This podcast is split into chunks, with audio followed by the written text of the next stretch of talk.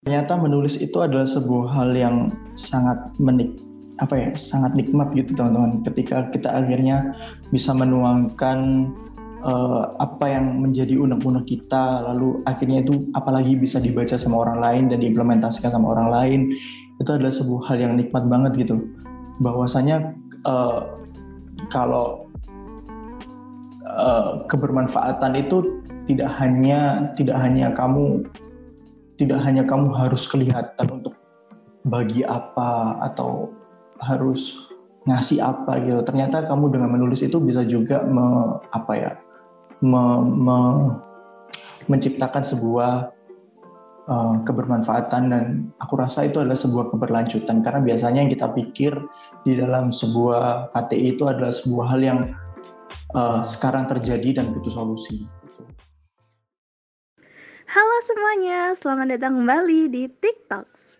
Di episode kali ini, kita masih berbincang bersama alumni CS mengenai cerita dan pengalamannya dalam menjuarai berbagai lomba karya tulis ilmiah.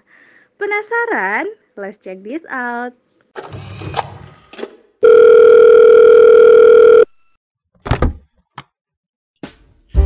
Assalamualaikum. Ahlan wa sahlan teman-teman semuanya. Selamat datang di podcast Yes, podcastnya Center for Islamic Economic Studies, Fakultas Ekonomi dan Bisnis Universitas Brawijaya. Wah, nggak kerasa ya teman-teman, kita udah di podcast kelima Yes aja nih. Padahal di episode sebelumnya kita baru aja ngobrol-ngobrol santai dengan salah seorang narasumber yang sangat inspiratif nih pastinya. Nah, sebelum kita melanjutkan perbincangan kita nih pada hari ini, lebih baik kalau kita saling kenalan dulu nih. Karena tak kenal maka kenalan dulu. So, kenalin nama aku Nanik Sofiatin dari Departemen Research and Development KCCS FEBUB periode 2020. Nah, kali ini juga aku nggak bakalan sendirian.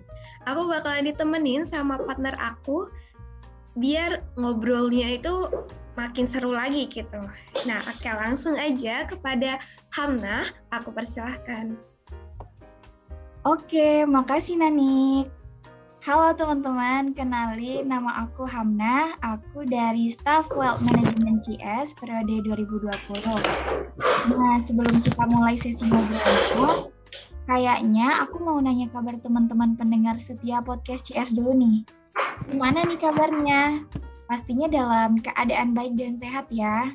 Apalagi di situasi pandemi kali ini. Teman-teman tetap patuhi protokol kesehatan ya, walaupun sudah agak menurun nih. Dan juga mengharuskan kita untuk menghabiskan lebih banyak waktu di rumah. Tapi meskipun di rumah aja, aku yakin teman-teman ini pasti pada produktif. Ya kan? Iya dong, bener banget Hamna. Teman-teman nih selalu pada produktif dong tentunya. Tapi aku mau kasih saran juga kepada teman-teman yang masih stay at home. Teman-teman bisa banget nih dengerin podcast Yes biar waktu luangnya tetap insightful dan nambah produktif tentunya nih. Oh iya Hamna, by the way, ini teman-teman nih masih pada inget gak ya kalau misalnya TikToks punya tagline Hmm, aku masih ingat. Wah, keren sih Hamna masih ingat. Eh, tentu loh. Ya. Oke, Hamna, nanti jawab ya kalau aku bilang TikToks. Oke. Oke. TikToks. We talk, we share, with love. Oke. Wah, semangat banget ya, Hamna. Oke teman-teman semua, di TikTok seperti biasa kita akan berbincang santai sambil belajar dengan alumni CIES yang sangat inspiratif tentunya. Nah, untuk alumni yang akan menemani kita pada podcast hari ini yaitu seorang alumni yang luar biasa pastinya. Seperti alumni di episode podcast sebelumnya. Aduh, aduh, aduh. Iya dong Hamna, pastinya. Mungkin kali ini juga alumninya lebih lebih lebih lagi luar biasanya. Oke, kayaknya teman-teman nih udah pada kepo siapa ya narasumber yang kita undang gitu kan. Oke, langsung aja kita sapa kali ya Hamna. Assalamualaikum Kak Haki. Halo, Waalaikumsalam warahmatullahi wabarakatuh. Halo guys. Halo Kak. Kak Haki gimana nih kabarnya Kak? Eh, alhamdulillah, alhamdulillah baik banget. Biasanya di jam-jam segini ada kesibukan apa nih kak? Biasanya kalau satu minggu mah uh, lebih banyak di rumah. Cuman waktu uh, kebetulan untuk hari ini uh, lagi peak season jadinya lagi di kantor gitu sih. Ini Kak Haki sibuk tapi tetap bersedia gitu meluangkan waktunya untuk berbincang-bincang dengan kita dan sharing-sharing kepada pendengar podcast. Ya, terima kasih banyak nih Kak. Ya, sama-sama. Nggak apa-apa teman-teman. Biar ketularan mudanya, jiwa mudanya biar ketularan. Wah, bener banget, bener. Kita harus semangat ya. Bener banget. Keren banget nih Kak Gini. Oh ya, mungkin teman-teman pendengar podcast CS masih bertanya-tanya nih, siapa sih narasumber kita kali ini? Nah, mungkin dari Kak Haki bisa memperkenalkan diri terlebih dahulu gitu, serta kesibukan yang dijalani sekarang apa aja nih. Silakan Kak. Halo guys, perkenalkan ya, namaku uh, Muhammad Haki dan Maulana. Dulu kalau di UB, di CS, uh, seringnya dipanggil Haki itu. Uh, saya jurusan manajemen tahun 2015, angkatan 2015. Wah, udah lama banget ya, udah lima tahun yang lalu. Dulu di dulu di CS menjabat sebagai kepala R&D, kepala R&D tahun 2017 kalau nggak salah. 2017. Eh, apa 2016 ya? Lupa. Dan setelah itu saya uh, melanjutkan uh, menjadi kepala R&D Jatim tahun 2017 2018 lalu menjadi Persnas tahun 2018-2019. Lah, untuk kegiatan sekarang uh, lebih banyak lebih banyak menghabiskan waktu di rumah birul walidain sama yang kedua adalah saya uh, sekarang lagi bekerja di sebuah perusahaan di Surabaya. Begitu oke keren banget nih Kak Haki berarti uh, memang Kak Haki ini uh, dulu pernah menjabat sebagai kepala RND ya kepala departemen RND dan juga pasti banyak banget nih pengalaman Kak Haki di bidang lomba pastinya Kak. Terus juga uh, Kak, Haki mungkin sekarang lagi kesibukannya sedang bekerja di sebuah perusahaan. Nah, hebat banget nih Kak Haki. Oke teman-teman, bersama Kak Haki lebih dalam lagi nanti kita ada ngobrol-ngobrol santai nih Kak. Kira-kira ngobrolin apa sih? Yaitu seputar tentang KTI atau yang biasa disebut karya tulis ilmiah kita akan mengulik tips dan trik cara membuat KTI dari pakarnya nih. Oke, okay. kita masuk ke pertanyaan pertama aja kali ya. Oke oke. Kita sharing-sharing aja ya ini. Kalau dibilang pakar-pakar banget juga enggak. Jadi uh, mungkin saya juga akan lebih banyak belajar dari teman-teman. Tapi apa yang saya tahu untuk saat ini akan saya share ke teman-teman. Oke, siap dong kak. Gini kak, uh, sebelum ke pertanyaan pertama aku mau cerita dulu sebentar deh kak. Oh iya boleh boleh cerita aja. iya gini aku itu mau ikut lomba gitu kan kak. Cuman aku masih bingung-bingung nih gimana cara menulis KTI yang baik dan benar gitu kak. Jadi aku mau tanya nih ke Kak Haki tentang bagaimana sih cara kita dapat menulis KTI yang baik dan benar gitu kak. Oke, okay untuk menulis KTI dan benar itu ada dua hal yang harus di garis bawain ya atau dijadikan fokus utama kita sebelum menulis. Yang pertama adalah penggalian ide, yang kedua itu adalah uh, secara teknikal gitu, secara teknikal menulis. Yang saya sadari bahwa uh, menjadi seorang penulis secara teknikal itu uh, yang dibutuhkan adalah tekad, teman-teman tekad untuk apa? Tekad untuk terus mencoba. Karena ketika kita tidak pernah mencoba sama sekali untuk bisa menulis ini dan itu, maka yang terjadi adalah uh, kita tidak akan pernah tahu penataan bahasa yang tepat dan benar gitu. Maka otomatis ketika kita menjadi apa ya ingin men, ingin menuliskan LKTI yang baik dan benar maka cobalah kesalahan-kesalahan secara terus menerus untuk menulis aja gitu.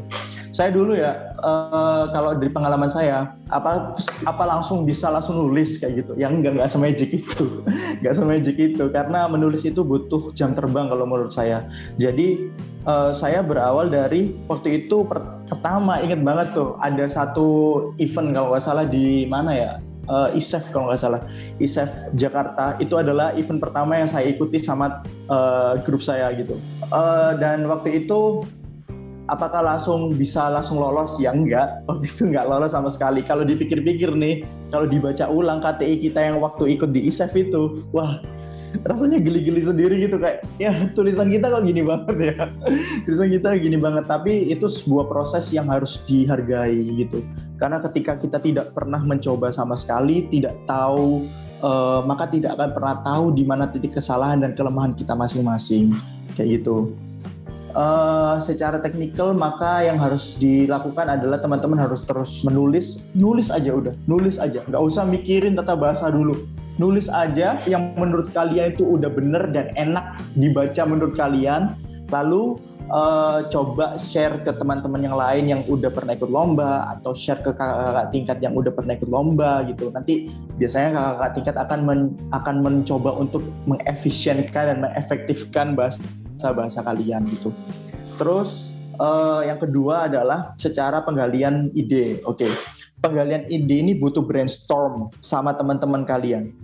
Kalau saya, kalau saya nih cari grup lomba, cari grup lomba atau cara LKTI itu biasanya ini kan per grup gitu kan ya. Cari grup lomba itu suatu hal yang ibarat kata itu butuh cocok-cocokan kayak orang nikah. Jadi uh, butuh butuh apa ya? Butuh satu butuh tahu satu sama lain. Butuh tahu kelemahan dan kekurangan satu sama lain. Lalu yang selanjutnya apa sih emang butuhnya uh, apa sih sebenarnya perlunya hal tersebut? Perlunya hal tersebut adalah ketika kita melakukan brainstorming gitu ya. Ketika kita melakukan brainstorming atau ketika kita mencari penggalian-penggalian ide ide-ide apa yang harus muncul kayak gitu itu biasanya ada ketambahan-ketambahan gitu. Jadi kalian tetap harus banyak baca. Yang kedua itu butuh brainstorm. Brainstorm aja sama teman-teman, siapa pun yang sekiranya bisa diajak diskusi gitu. Setelah itu tuangkan sama tulisan kalian as a technical, lalu udah nggak usah mikir apa-apa dulu. Setelah kalian rasa bahwa tulisan tersebut udah enak dibaca menurut kalian, menurut kalian sendiri, baru nanti share ke teman-teman yang lain atau share orang yang lebih paham yang menurut kalian bisa ngasih advice kayak gitu. Jadi gitu sih uh, setelah itu baru teman-teman bisa menyempurnakan tulisan tersebut dan mulai cari event-event lain untuk notabene untuk ikut lomba LKTI dan sebagainya kayak gitu. Oke, benar banget. Pasti benar-benar harus ya intinya kita coba terus ya kak ya. Iya, terus. coba terus. Benar. Benar. Oke, uh, tadi kakak bilang nih uh, uh, akhirnya kalau udah selesai uh, brainstorm, menemukan ide, tuangkan dengan tulisan. Nah, baru deh kita ikut lomba gitu ya. Nah, bagaimana sih Kak cara kita agar dapat memulai mengikuti lomba karya tulis ilmiah gitu? Bagaimana caranya? Kalau caranya sih uh, biasanya nih, setahu saya kalau di CS itu ada jadwal lomba yang di mana dalam satu tahun bisa diikuti gitu.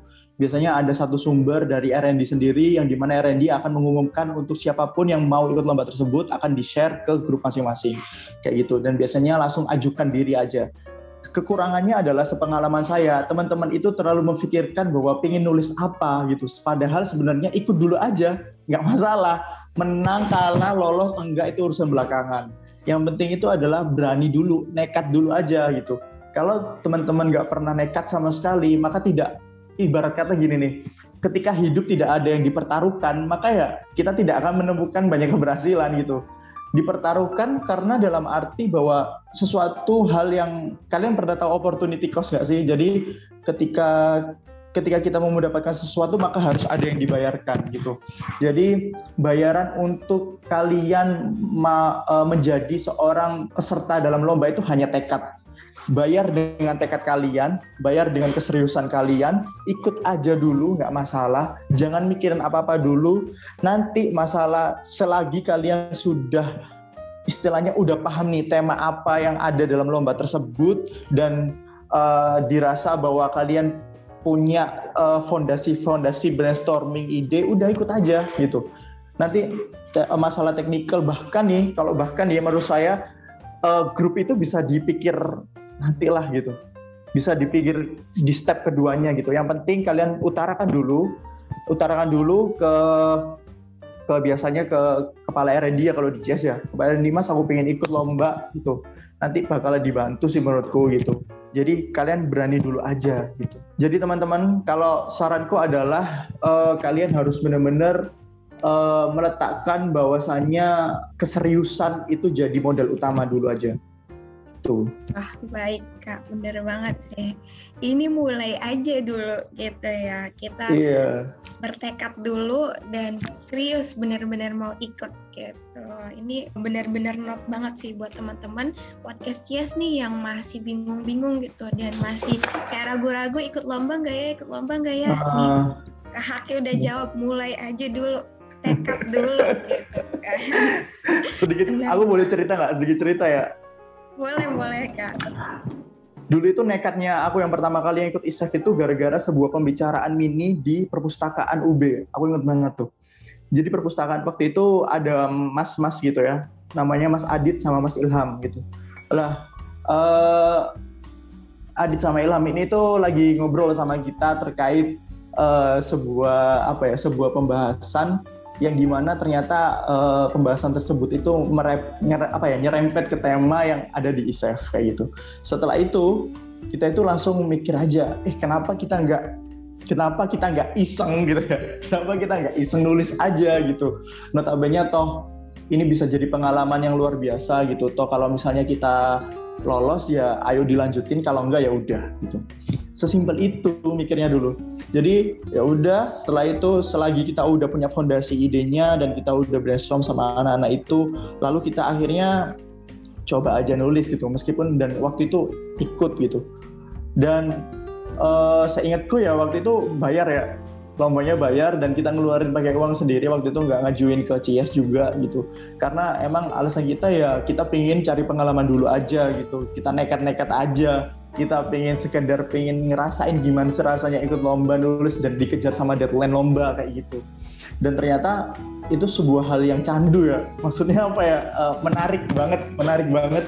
Setelah kalian kalian tidak akan pernah bisa kalian tidak akan pernah merasakan candunya ikut lomba ketika tidak mencoba guys. Maka ikutlah dulu guys. Coba dulu aja. Maka di situ akan ketemu gitu apa ya feel feel yang luar biasa gitu dan eh, feel tersebut itu harus dibangun secara terus menerus lah kalau menurutku ketika teman-teman menemui satu kegagalan atau biasanya stuck kayak gitu jangan berhenti. Coba baca-baca lagi. Coba ketemu lebih banyak orang lagi. Mungkin kadangkala kita tidak belum menemukan orang yang klik. Tapi ketika kita udah nemuin orang yang klik buat ikut lomba dan itu biasanya akan menjadi sebuah hal yang sangat menarik sih gitu Aduh, emang menarik banget nih kak. Ini aku juga udah termotivasi nih. Aduh, pengen ikut. iya menarik banget ayo ikut ikut. Abis ini aku langsung ikut kak. Nah gini kak, aku tuh sebenarnya udah nyimpen nyimpen kan beberapa poster gitu. Emang ada niat mau ikut nih. Aku udah ada tekad Hmm. alhamdulillah.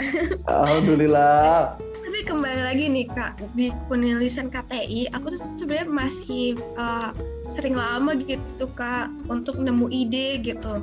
Terus uh, dan lagi aku pernah dengar kalau misalnya rumusan masalah tuh emang penting banget gitu ketika kita ingin memulai untuk menulis sebuah karya tulis ilmiah gitu. Nah uh, yang aku mau tanyakan itu gimana sih cara Kak Haki menemukan ide serta rumusan masalah yang tadi itu kak? Hmm, oke. Ini menjadi selalu jadi pertanyaan di setiap misi masalah penulisan sih. Jadi intinya adalah gini guys. Ide itu berawal dari sesuatu yang ada di sekitar kita biasanya. Tapi kita butuh sebuah kedekatan terhadap lingkungan. Kalau kita tidak pernah banyak memasukkan pengetahuan ke dalam otak kita, maka rasanya kita juga tidak akan pernah dapat kedekatan lingkungan yang secara konkret gitu. Otomatis step pertama yang harus kalian lakukan menurut saya adalah secara teknikal banyakin baca, banyakin eh, kalian diskusi, ngobrol sama orang gitu. Karena tidak semuanya yang kita anggap tahu itu adalah sebuah hal yang memang pantas untuk diketahui gitu. Tidak tidak semua hal yang eh, kita anggap tahu itu adalah sebuah kebenaran. Jadi saya rasa adalah kita harus banyakin ruang diskusi, banyakin baca gitu. Biasanya dari situ maka kita sekalipun cuman jalan-jalan di depan kampus, kita bakal nemuin banyak banget masalah gitu. Karena kita udah cukup karena kita udah cukup uh, apa ya, ada satu pengantar di otak kita yang notabene ketika melihat hal tersebut itu menjadi sebuah hal yang seksi untuk dibahas. Tapi ketika kita tidak mempunyai pengetahuan cukup, maka yang terjadi adalah ya kita tidak akan pernah uh, kita akan tidak pernah apa ya terpacu untuk melihat bahwasanya hal tersebut adalah bukan hal yang tepat kayak gitu. Contoh aja deh, contoh aja. Kalau teman-teman uh, ngerasa nih uh, bahwa contohnya gini, ketika kalian di lampu merah, ketika kalian di lampu merah nih, terus habis itu kalian ngelihat ada anak jalanan, anak jalan, eh ada anak jalanan yang digendong sama ibunya lagi minta-minta nih gitu. Ketika kita tidak memiliki pengetahuan cukup, maka kita menganggap bahwa itu adalah sebuah hal budaya yang biasa. Ya udah, pengamen banyak mah di sini kayak gitu, kayak gitu. Tapi kalau kita memiliki pengetahuan, notabene bahwa oh bawa anak, bawa anak uh, di bawah umur untuk kegiatan tersebut itu rasanya menjadi hal yang uh, kurang etis atau bahkan uh, menjadi pengamen di, di lampu merah itu sudah diatur undang-undang tidak boleh dan sebagainya. Karena kita tahu hal tersebut maka kita akan menganggap itu menjadi sebuah masalah. Oh seharusnya dia nggak di situ sih. Seharusnya dia nggak ngamen bawa anak sih. Atau seharusnya malah dia nggak boleh ngamen di lampu merah sih gitu. Maka kalian akan tergali untuk mencari uh, solusinya. Oh harusnya ibu-ibu ini dibina supaya untuk dijadikan uh, diberikan uh, keterampilan supaya nggak ngamen lagi kayak gitu. Karena kita punya pengetahuan gitu. Otomatis yang harus diisi pertama kali adalah otak kita. Jadi banyakin aja baca banyakin diskusinya. Karena tidak selamanya karena tidak selamanya pengetahuan itu hanya dapat dari buku, nggak selamanya pengetahuan itu dapat dari jurnal, tapi bisa jadi dari uh, sekedar uh, pembicaraan-pembicaraan mini di depan ruang CS atau pembicaraan-pembicaraan mini di di uh, di mana pun lah kalian berada ketika kalian bertemu sama teman. Itu bisa menjadi suatu bahasan.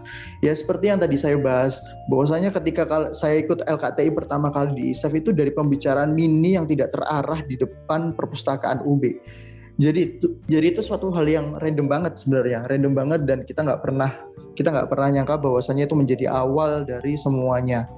Tuh maka penuhin otak-otak kalian dengan hal tersebut. Selanjutnya yang kedua adalah jauhin mainnya.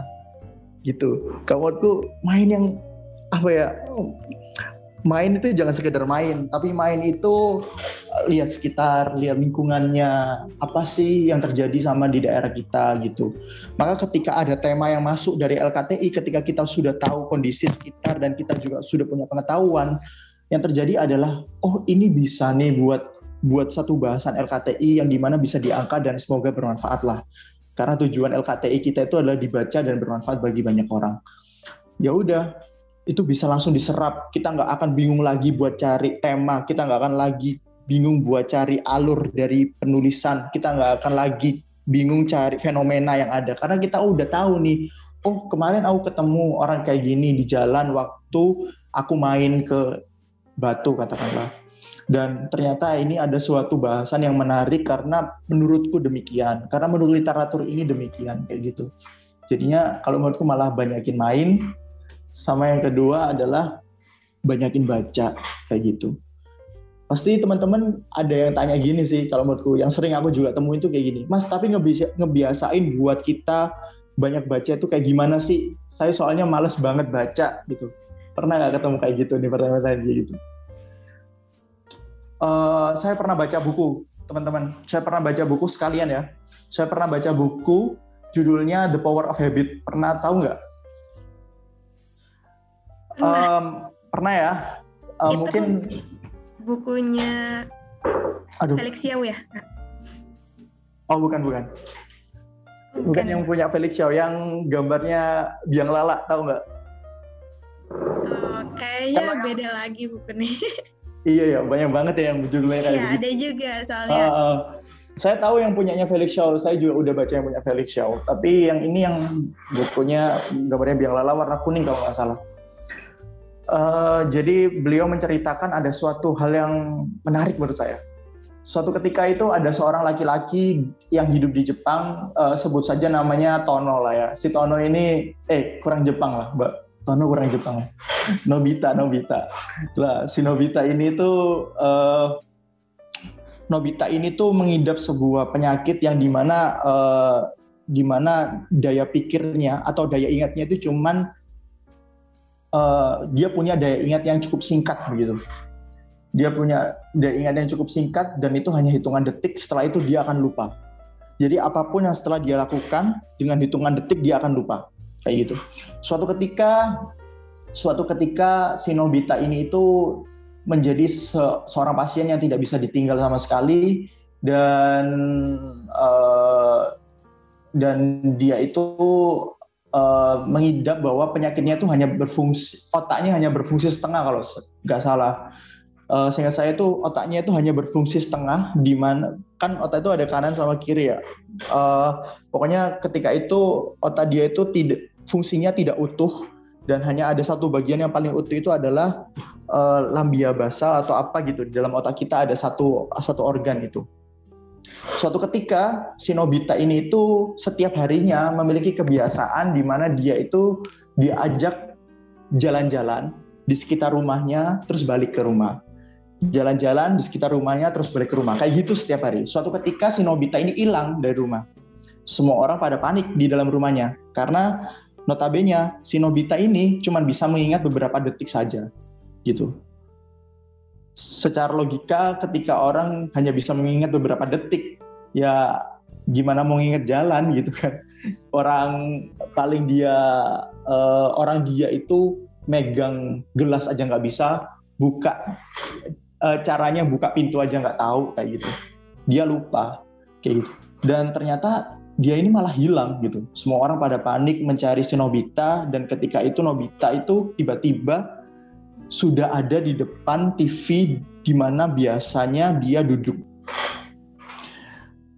Lalu si Nobita ditanyain, "Duh, Nobita kamu dari mana?" gitu. Terus dia bilang, "Loh, aku nggak ke mana-mana. Dari tadi aku duduk di sini. Padahal Nobita tadi hilang dari rumah." Lah, terus akhirnya ternyata di di celananya Nobita itu ada daun, ada tumbuhan yang di mana tumbuhan itu itu ada di sekitar lapangan yang biasa dia lewati kalau jalan-jalan. Kesimpulannya adalah Nobita ini habis jalan-jalan, melewati lapangan yang biasa dia lewati, dan ternyata ada tumbuhan yang nyangkut di celananya. Kayak gitu. Di situ akhirnya kita tahu bahwasannya orang sekalipun yang hanya bisa mengingat tiga detik ke belakang saja atau beberapa detik ke belakang saja itu bisa menjadikan kebiasaan sebagai hal yang selalu uh, diingat sama dia. Ternyata kita punya satu organ otak di otak kita itu yang di mana dia itu mengatur kebiasaan-kebiasaan kita. Ketika kita membiasakan sesuatu, maka itu akan terus diulang-ulang dan itu menjadi sebuah hal yang tidak membutuhkan effort lagi. Kita mungkin malesnya baca itu karena kita ah, mikir gitu kayak baca itu butuh butuh effort buat mikir, baca itu butuh effort buat buat memahami dan sebagainya. Padahal ketika itu menjadi sebuah kebiasaan, maka itu menjadi sebuah hal yang sangat bisa dinikmati teman-teman. Contohnya si Nobita. Nobita tidak pernah bisa mengingat apa pun kecuali adalah kebiasaan dia untuk berjalan-jalan setiap hari dan dia menikmati hal tersebut. Dan ternyata itu menjadi sebuah hal yang sangat luar biasa bagi Nobita. Intinya adalah ketika kita mau menjadi seorang pembaca yang ulung, maka biasakanlah. Nggak perlu sesuatu hal yang muluk-muluk, nggak perlu langsung satu buku mulai dari apa yang kamu suka, nggak perlu langsung buku-buku ilmiah. Menurutku buku-buku yang mulai dari apa yang kamu suka. Kalau kamu suka novel, mulai dari novel. Kalau kamu sukanya baca koran, mulai dari koran. Kalau kamu merasa bahwa koran terlalu berat dan kamu ingin baca majalah, baca buku majalah mulai dari situ dulu untuk menimbulkan kebiasaan. Ketika otak kita sudah terlatih untuk terbiasa membaca dan memahami, maka membaca apa pun yang lebih tebal dari itu dan lebih sulit daripada itu akan menjadi hal yang tidak masalah lah. Oleh karena itu dari situlah kita memahami bahwa ternyata Allah itu sudah memberikan satu satu satu organ yang notabene itu akan membantu kita dalam melatih kebiasaan termasuk hal positif kayak gini. Oke, oke kak benar-benar. Eh, memang harus ini ya membiasakan ya kak ya untuk membaca walaupun memang kita nggak suka misalnya. Tapi kalau misalnya kita suka sesuatu yang berbau mengarah-arah ke sana misalnya kayak kita suka novel kita coba baca novel aja dulu gitu ya. Iya benar. Aja jadi kebiasaan. Terus juga uh, gimana kita melihat ide itu dari lingkungan kita sendiri ya kak ya cuman dari lingkungan aja bisa kita apa yang kita lihat apa yang kita dengar itu penting tapi gimana kita mengarahkannya aja itu yang menjadi gimana sikap kita selanjutnya gitu ya kak benar-benar Iya, keren banget nih jawaban dari Kak Haki. Terus aku juga udah lumayan terinspirasi nih kalau misalnya ide. Kan aku juga susah banget milih ide. Nah, alhamdulillah dari Kak Haki ada jawabannya nih. Terus ada yang agak ini sih kak, agak aku aku mau nanyain ada yang ada hal yang kayaknya memang beberapa dari uh, uh, kita kita yang pengen lomba itu jadi problem dan cukup sulit. Nah, uh, yaitu cara memilih tim dan dalam lomba KTI gitu kak, tim dan uh, kelompok gitu. Nah, itu gimana nih kak cara memilih tim dalam lomba KTI menurut kakak? Oke, yang harus digarisbawahi ada ketika kamu mencari kesempurnaan maka kesempurnaan itu adalah kekurangan-kekurangan itu sendiri. Jadinya uh, kalau kita nyari tim yang sempurna maka nggak akan ketemu gitu. Karena notabene ketika kamu cari tim ya selalu ada kekurangan-kekurangan dari mereka dan atau bahkan kita sendiri kayak gitu. Ya tugasnya adalah hanya melengkapi. Untuk cari tim itu saran saya sih saran saya saya lebih suka cari tim itu sendiri ya maksudnya daripada di kelompok-kelompokin gitu sama sama satu sama uh, dikelompokin sama orang lain, saya lebih milih untuk membuat tim sendiri gitu. Kenapa? Karena kita lebih paham bahwa ternyata membuat tim untuk LKTI itu butuh karakter, butuh kemampuan kayak gitu yang di mana kita bisa saling melengkapi supaya kita nggak capek-capek sendiri dan juga kita bisa klop ngobrolnya gitu. Karena ya bagaimanapun ketika kita membuat LKTI adalah tentang komunikasi gitu. Yang pertama adalah kalian bisa concern terhadap apa yang pengen kalian bahas. Paling simple, secara pragmatis, paling pragmatisnya adalah cari anak pinter yang biasanya bahas itu. Itu paling pragmatis. Jadi uh, ini adalah cara paling apa ya, notabene paling uh, yang penting gua dapet bahasannya, yang penting lu bisa bantuin gua selesai. Gitu.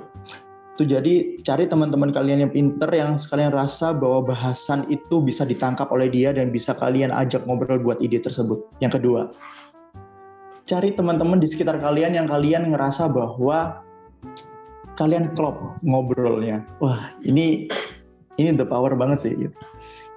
Saya sama teman saya itu, saya sama uh, si Ilham itu juga uh, berawal dari ya teman main gitu teman main yang yang maksudnya nggak nggak serius bahasan. Kita anak CS tapi bahasan kita nggak serius-serius amat gitulah. Kita ya ikut kajian kita ikut kajian aja sebenarnya gitu. Tapi pembahasan-pembahasan uh, simple itu di luar simple di luar CS itu lebih banyak lah daripada bahas tentang keilmuan sebenarnya. Tapi kena tapi ternyata kita punya satu visi yang sama yaitu adalah kita punya tekad yang sama. Intinya adalah kita orang yang sama-sama berani nyoba. Ini terkait masalah karakter kan akhirnya. Karakter dan karakter dan komunikasi yang nyambung kayak gitu. Dan itu akhirnya membuat kita mau menyelaraskan mau menyelaraskan visi untuk membahas LKTI LKTI karena notabene ketika kita bahas keilmuan maka kita bisa untuk mencari lebih banyak ruang gitu ya. Kita bisa banyak ruang diskusi, kita akhirnya cari banyak literatur-literatur gitu. Tapi sebenarnya ketika mencari karakter teman itu yang sulit gitu. Maka sebenarnya nggak masalah kalau kita berangkat dari orang-orang yang sama-sama nol, nggak tahu apa-apa nih, dan kita cuma punya tiket yang sama, dan akhirnya kita membahas sesuatu itu nggak apa-apa. Jadi itu cara yang kedua. Cara yang kedua adalah cari temanmu yang paling klop sama kamu secara komunikasi dan juga secara pemikiran. Dan cara yang ketiga adalah utarakan dirimu ke uh, kadep R&D-mu, kamu bilang, Mas saya pengen ikut lomba, gitu. Udah coba simpel, Mas saya pengen ikut lomba, cariin cariin cariin apa? Cariin grup gitu. Udah, itu caranya. Wah, banyak banget ya Kak. Caranya ada tiga cara tadi. Iya tergantung kalian suka yang mana sih ya. Jadi jadi uh, tergantung biasanya itu kayak let it flow gitu teman-teman. Kayak let it flow aja gitu. Ketika kalian punya uh, saya rasa ketika kalian punya tujuan yang baik, tujuan yang jelas, maka semesta itu akan mendukung sih. Jadi ketika kalian sudah punya angan-angan di otak kalian bahwasanya aku ingin ikut lomba, uh, aku ingin nulis untuk membahas sesuatu yang bermanfaat di dalam LKTI, maka saya rasa itu semesta akan mendukung gitu. Entah kalian bakal ketemu orang yang tiba-tiba diajak ngobrol itu enak, terus akhirnya kepikir, yuk kita ikut lomba aja gitu. Atau atau yang kedua adalah kalian benar-benar yang tadi yang pragmatis ya udah aku pingin tekad kayak gitu oke aku tak nyari anak yang pinter yang bisa bahasa ini dan bisa nulis kayak gitu biasanya paling banyak itu kalau misalnya kalau anak-anak yang tiba-tiba datang waktu aku jadi KDPRD tiba-tiba datang mas aku pengen ikut lomba cariin cariin grup itu kayaknya jarang banget gitu karena mereka biasanya punya apa ya punya preferensi sendiri gitu terhadap kru eh apa terhadap orang-orang di dalam grupnya gitu. Kayaknya aku juga bakalan nyari sendiri sih kak. iya kan, lebih lebih enak ya. Iya benar banget ya. Karena kita lebih tahu diri kita gitu kan kak. Benar benar. Oke Dan, kak. Ya semakin ngobrol makin dalam nih tentang KTI, aku jadi pengen nanya tentang uh, seputar kepenulisannya lagi nih kak. Boleh kan ya kak? Boleh boleh. Oke, ya aku mau tanya tentang gimana sih kak cara menemukan referensi yang tepat dan terpercaya gitu. Karena di KTI ini kan kita pasti butuh sebuah data gitu untuk mendukung karya hmm. tulis kita. Source itu banyak banget guys. Nah, jadi source buat kalian nulis itu sebenarnya banyak banget gitu. Tapi sebenarnya ya itu pentingnya adalah kita memilah gitu. Nggak semua source itu terpercaya Jadinya kalau menurutku adalah lebih banyakin ketika kalian mau membuat KTI itu bacanya adalah jurnal yang pertama. Baca jurnal aja, jurnal itu banyak banget sekarang guys. Kalau kalian mau uh, cari yang paling simpel itu simpel itu ada di Google Scholar ya. Ap, kalau karena nggak semua nggak semua akses dari nggak semua akses dari uh, jurnal itu gratis gitu. Tapi kalau anak UB kayaknya gratis deh kalau pakai internet UB itu kayak Science Direct dan sebagainya itu. Tapi kalau kalian benar-benar ngerasa bahwa stuck nggak ada yang eh, nggak uh, ada yang apa yang nggak bisa diakses, aku rasa di Google Scholar itu udah banyak banget. Kalian masukin kata kuncinya udah banyak banget. Itu yang pertama. Yang kedua adalah ambil dari website-website terpercaya. Contohnya BPS dan sebagainya kayak gitu. Jadi uh, bener banget ini masalah data itu jangan main-main karena kita biasanya kalau di lomba itu bakal ditanyain, apalagi kalau source-nya itu nggak jelas sama sekali gitu ya. Uh, saya pernah ikut lomba di Makassar.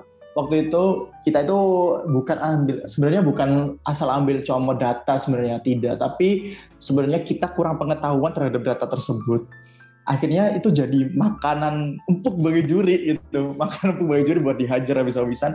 Karena memang kita kurang pengetahuan data tersebut. Akhirnya itu menjadi pembelajaran penting buat kita. Setiap kita mau lomba maka yang harus dipatenkan harus dimatangkan salah satunya adalah data-data gitu.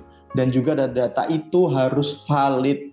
Maka yang harus dibanyak baca itu adalah ya maka yang harus banyak dibaca maka yang harus banyak dibaca itu adalah jurnal-jurnal dan juga dari website-website terpercaya.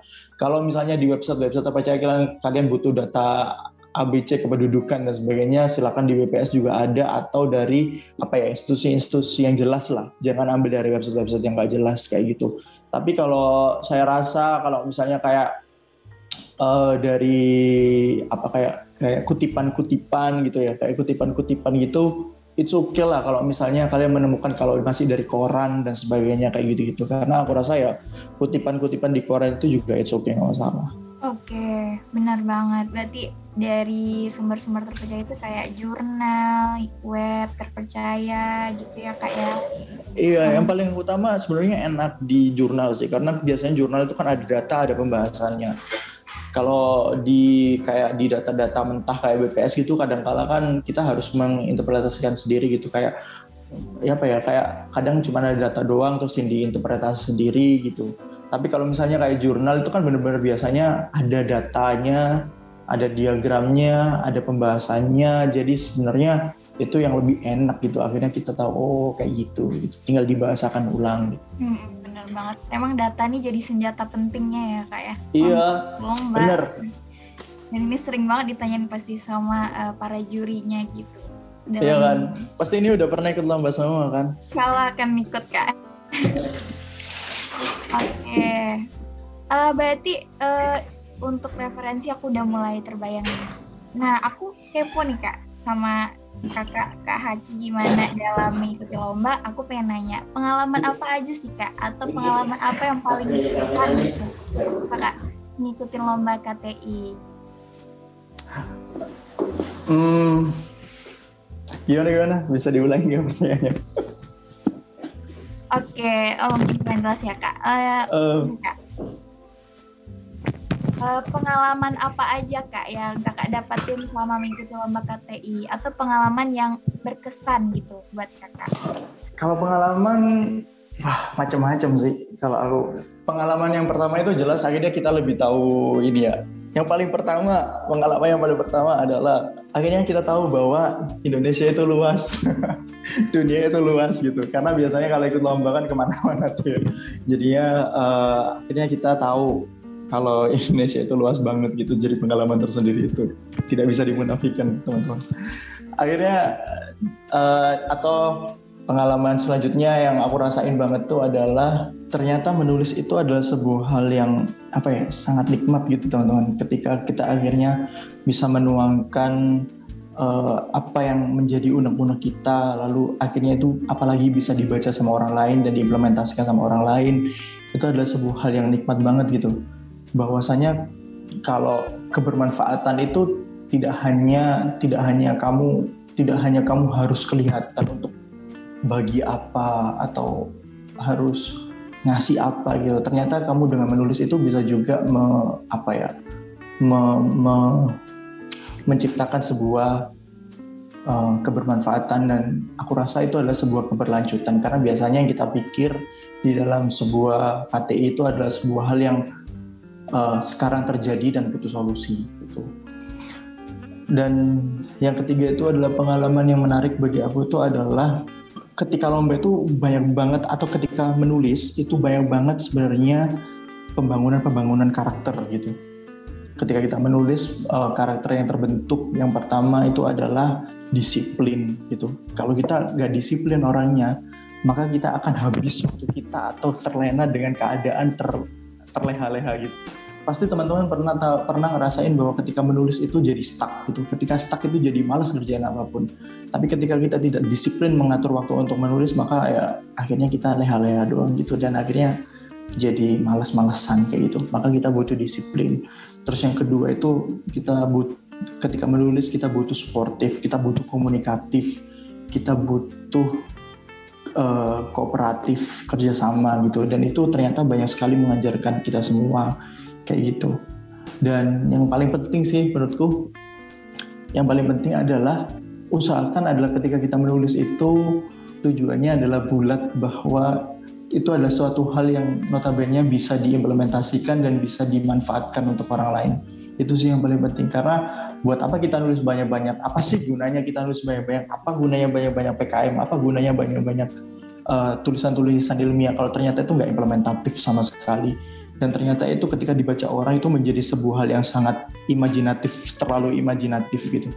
Menurutku ada satu hal yang harus dipikirkan lagi adalah itu hal yang konkret dan hal tersebut bisa dimanfaatkan. Gitu. Wah benar banget sih kak banyak banget yang manfaat dari menulis KTI ini. Terutama jika uh, eh, tulisan kita itu bisa diimplementasikan itu jadi nilai plus banget sih. Benar-benar kayak bahagia banget kan kalau tulisan kalian bisa diimplementasikan sama orang lain. Iya benar banget kak. Tapi nih kak ini kan uh, kita ketika kita sudah menulis KTI itu kayak sebuah pencapaian yang menurutku membanggakan ya kak. Nah uh, karena ini sebuah pencapaian tentu ada dong kayak yang namanya uh, tantangan gitu dalam uh, mencapai suatu hal tersebut. Nah, aku mau tanya ke Kak Haki, apa sih tantangan terberat yang sering dirasakan Kak Haki ketika mengikuti lomba ini, KTI terutama? Tantangan ketika menulis, maksudnya? Benar Kak, ketika ikut lomba KTI. Ketika ikut lomba KTI, pas waktu lombanya adalah sebenarnya tidak terlalu banyak masalah gitu ya ketika kalian sudah selesai menulis dan ikut lombanya itu sebenarnya tidak ada tidak terlalu banyak masalah. Yang yang perlu adalah hanya membulatkan apa ya, membulatkan keberanian terus setelah itu menyelaraskan pemikiran dan brainstorming. Tapi kalau selama penulisan tantangannya itu sebenarnya cuma satu teman-teman, males kalau kalau saya. Karena sering kali bahwa ketika kita itu uh, sudah stuck terhadap sesuatu atau ketika kita sudah menemukan sebuah, sebuah kesulitan yang terjadi itu ada kita putus asa biasanya kayak ya lanjutin nggak ya? gitu. Karena itu tidak sebuah hal yang tidak sebenarnya tidak ada ikatan dengan akademik kita. Kamu kamu kerjain ya kamu kerjain juga kamu tetap lulus kamu nggak kerjain ya udah. Karena itu based on uh, kita mau kita apa ya uh, based on keinginan kita sendiri kan sebenarnya kayak ikut-ikut lomba kayak gitu. Jadi karena tidak ada ikatan tersebut maka kita akan menjadi orang yang lebih mudah untuk menggampangkan hal tersebut. Hmm, dan itu dampaknya adalah biasanya kita jadi orang yang tidak terlalu mau effort, tidak mau berjuang dan tidak mau dan akhirnya males memperjuangkan ketika kita sudah menemui kesulitan-kesulitan. Padahal, padahal nih, padahal titik-titik stuck, titik-titik udah nggak punya udah nggak punya ide apa-apa lagi setelah menulis itu adalah menurutku sebuah hal yang menunjukkan bahwasannya uh, tulisan ini akan menjadi baik tulisan ini akan menjadi bagus. Semakin rumit ide itu maksudnya dalam arti semakin kalian memikirkan itu uh, menjadi sebuah hal yang rumit uh, apa ya semakin kalian pikirin lah semakin kalian pikirin sebenarnya itu ada suatu hal suatu hal yang kalian usahakan untuk menjadi uh, tulisan baik dan menjadi sebuah hal yang mudah gitu. Maka karena itu kalau menurutku ketika kalian nemuin masalah-masalah ketika nulis udah paparas aja gitu. Berhenti bentar. Banyakin diskusi lagi sama teman-temannya. Kenapa ya kayak gini ya? Kalau kayak gini gimana ya? Kalau kayak gini gimana ya? Gitu. Terus kalau sama-sama stuck coba cari tulisan-tulisan lain gitu. Oh ternyata ini bisa jadi bumerang nggak sih? Biasanya kayak gitu sih. Biasanya kalau aku nemuinnya udah di tengah-tengah nulis udah agak jauh ternyata kita ngerasa bahwa ide kita itu bisa ada sisi lemahnya yang bisa jadi bumerang kita ketika waktu lomba gitu. Ternyata sebenarnya hal tersebut selalu ada jalan keluarnya kok ketika kita mau diskusi. Ternyata hal tersebut selalu ada jalan keluarnya ketika kita mau lebih banyak baca kayak gitu.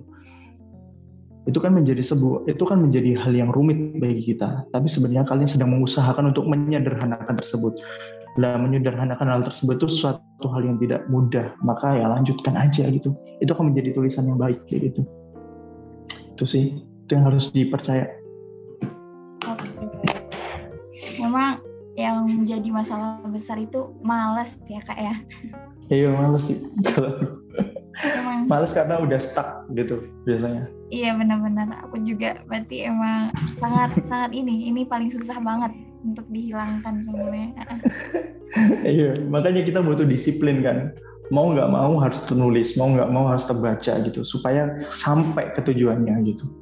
Benar-benar, uh, harus disiplin. Oke. Terus uh, ini kak, apa sih kak motivasi motivasinya kak Haki dan hal yang membuat kakak tuh candu gitu sehingga sering mengikuti lomba lomba-lomba KTI? Oke, okay. sebenarnya yang pertama itu adalah menurutku menulis itu adalah salah satu cara yang paling efektif dan efisien untuk kalian menuangkan segala pemikiran yang ada di otak. Waktu uh, apalagi kita orang eh, orang-orang yang suka suka overthinking ya, suka mikir sesuatu, suka kepo dengan sesuatu dan suka uh, melihat apa ya melihat uh, permasalahan yang terjadi di lingkungan kita itu biasanya mengem, apa yang ngendon gitu. Uh, jadi satu satu hal yang satu hal yang uh, membebani kita gitu. Kalau saya itu suatu hal yang membebani aku di pikiran gitu. Wah harusnya nggak gitu sih harusnya nggak gitu nggak gitu kayak gitu. Dan ternyata uh, ada satu cara yang di mana itu menenangkan saya sendiri menenangkan saya sendiri untuk bahwa uh, itu akan menjadi tidak tidak akan menjadi beban lagi ketika saya menuliskan hal tersebut. Tidak selalu menulis, tapi bisa jadi melakukan action katakanlah ya kalau ada orang butuh bantuan ya bantu gitu.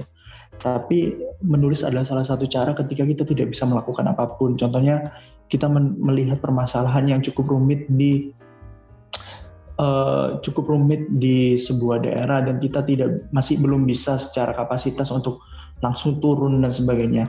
Menurut saya uh, mencatat itu, menulis itu menjadi sebuah konsep yang sangat baik untuk pada akhirnya dimanfaatkan di kemudian hari.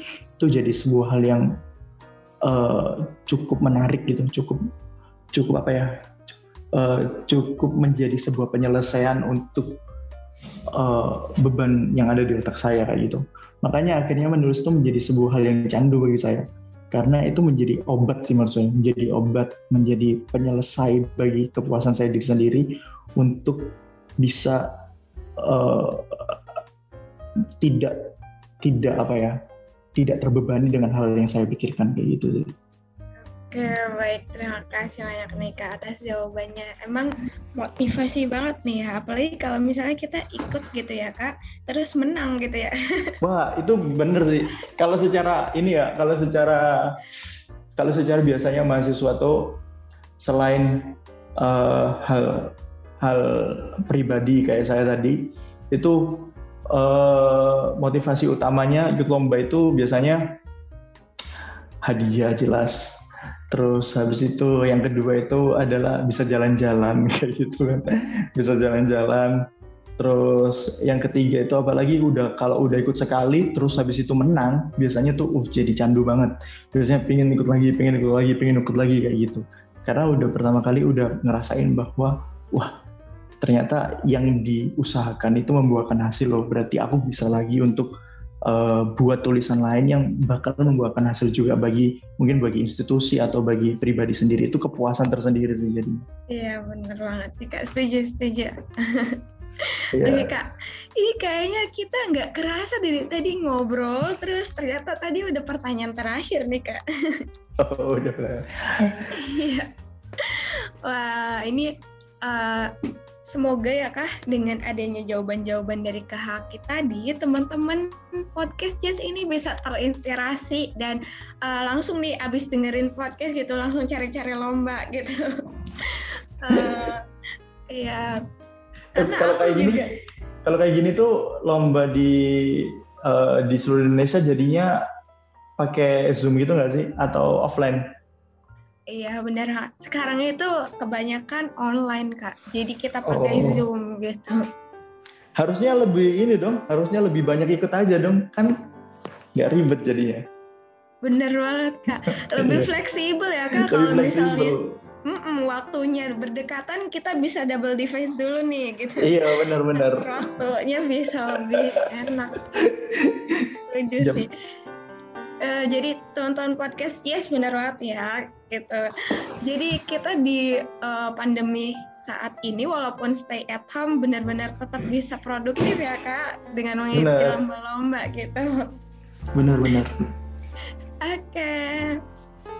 uh, eh, karena udah terakhir kan ya tadi, jadi aku izin untuk membacakan kesimpulan dari beberapa pertanyaan yang udah kita tanyakan tadi ya kak. Hmm. Oke, jadi teman-teman pendengar podcast ya semuanya, aku izin menyimpulkan tadi uh, agar kita bisa menulis kata i yang baik dan benar itu kita perlu uh, dua hal. Yang pertama penggalian ide, kemudian yang kedua ada teknikal uh, kepenulisan. Nah dalam teknik kepenulisan ini kita membutuhkan tekad gitu untuk terus mencoba agar kita tahu gitu penataan bahasa yang baik dan benar.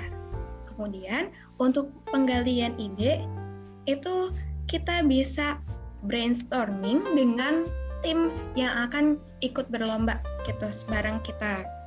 Jadi cari orang-orang yang memang cocok dan kita agar saling melengkapi. Kemudian uh, bagaimana nih uh, apa yang harus dipersiapkan ketika kita ingin mengikuti lomba itu sebenarnya cuma satu dan simpel banget teman-teman pendengar podcastnya semuanya yaitu tekad mulai aja dulu tadi kata Kak Haki. Nah abis itu kita seriusin di sana.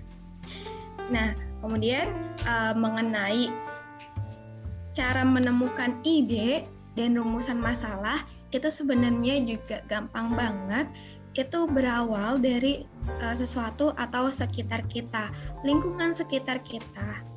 Uh, itu akan memberikan banyak ide ketika kita sudah menemukan suatu permasalahan. Gitu. Dan selain itu, uh, kita juga harus diiringi dengan banyak membaca, juga diskusi-diskusi dengan teman-teman uh, teman-teman kita ya agar ide kita ini lebih matang lagi dan lebih bagus lagi. Kemudian untuk referensi uh, yang baik dan tepat juga terpercaya itu teman-teman podcast Yes yang ingin mengikuti lomba bisa uh, baca-baca jurnal atau website terpercaya seperti uh, Badan Pusat Statistik itu ada dan lain-lainnya. Nah, uh, tadi juga aku not banget sih banyak banget nih manfaat yang bisa kita dapatkan dari menulis KTI ini. Tadi kalau kata Kak Haki kita bisa tahu nih uh, Indonesia itu luas gitu. Terus uh, suatu man, uh, suatu kenikmatan juga ketika kita sudah bisa mulai menulis dengan baik dan benar gitu. Apalagi tulisan tersebut bisa diimplementasikan uh, di kehidupan nyata gitu. Uh, selain itu, uh, ketika kita sudah bisa menulis juga, ini bisa membangun karakter kita nih teman-teman podcast ya semuanya. Karena dalam menulis itu kita harus disiplin gitu nggak boleh yang namanya kita malas-malas dan yang lainnya. Dan ini juga menyinggung tadi yang udah dibahas, kalau misalnya tantangan terberat khususnya ke haki sendiri itu ada malas teman-teman. Jadi uh, ini mungkin semuanya juga seperti ini dan cara untuk mengatasi malas tersebut ya kita lawan gitu. Kita nggak boleh malas lagi gitu. Kita harus disiplin gitu teman-teman. Terus motivasi terakhir uh, motivasi agar kita bisa candu untuk mengikuti KTI tadi ya. Ketika kita udah melalui semua proses yang tadi dan akhirnya kita berhasil, itu juga akan menjadi candu tersendiri gitu untuk teman-teman yang nanti bakalan ikut gitu. Selain itu, ini juga motivasi tersendiri untuk orang-orang yang memang uh, overthinking gitu. Ini orang-orang yang selalu melihat gitu situasi sekitarnya dan peduli biasanya karena uh, ini banyak uh, muncul masalah-masalah dan dia punya solusi. Nah, cara tepat uh, atau cara efisien untuk menuangkan ide-ide tersebut ya dari menulis ini teman-teman. Jadi sangat-sangat bermanfaat sangat-sangat bermanfaat uh, ketika kita udah mengikuti perlombaan ini gitu. Mungkin uh, itu beberapa poin yang udah aku catat dari pertanyaan-pertanyaan yang udah uh, aku ajukan, kita ajukan ya sama Hamna juga nih. Ya, Nick, aku mau nambahin menyimpulkannya boleh nggak? Boleh banget dong, karena tadi banyak banget ya nah yang kita dapetin. Bener, nih aku juga ada catatan sedikit nih dari aku. Nambahin ya berarti ya aku, karena ini ilmunya banyak banget nih. Oke, tadi udah dijelaskan eh, uh, oleh Nadik ya beberapa udah lengkap. Nah aku mau nambahin sedikit aja. Jadi uh, untuk mencari tim gitu nggak nggak ternyata dari kak Haki ada tips. Nah itu yang pertama itu konsen dengan apa yang dibahas dengan mencari anak-anak yang cukup pintar dengan uh, bahasan dalam bidang itu gitu. Nah yang kedua mencari teman-teman yang kalian ngerasa kalian itu klop ngobrolnya, diskusinya dan membahas suatu isu dengan mereka gitu. Dan yang terakhir yaitu dengan cara mengutarakan diri kepada uh, kepala departemen R&D untuk dicarikan timnya. Oke, dari aku itu ya hmm, kesimpulannya. Mungkin udah lengkap banget nih semua yang kita uh, kita utarakan dalam kesimpulan. Dan mungkin kalau benar-benar sebenarnya ini masih banyak lagi nih kalau misalnya mau ditanyain lagi ke kak Hakinya ilmunya ya.